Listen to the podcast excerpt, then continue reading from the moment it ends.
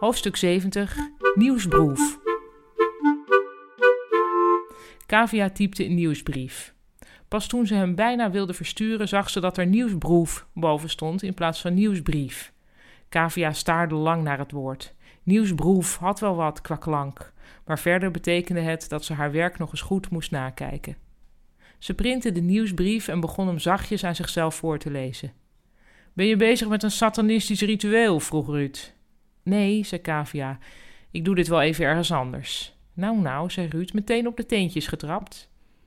Ze liep naar de wc. Sinds de heidag had ze zoveel grapjes over Enzo moeten verduren dat ze inmiddels een beetje moe was van alle pogingen tot humor en zeker van die van Ruud. Op de wc was het tenminste rustig. Voor de spiegel ging ze verder met voorlezen. Het is herfst en dat betekent dat de nachten langer worden en de dagen korter.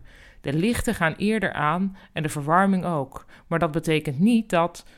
Achter haar werd doorgetrokken. Kavia stopte. Stella kwam een wc uit.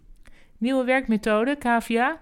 Nee, ik moest het even hardop. Laat maar, zei Stella. Ik ben al lang geleden gestopt met het zoeken naar logica op dit kantoor.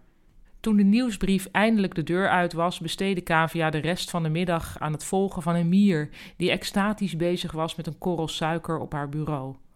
Om vijf uur kreeg ze een mail van Enzo. Om zes uur bij La Acetosa stond er.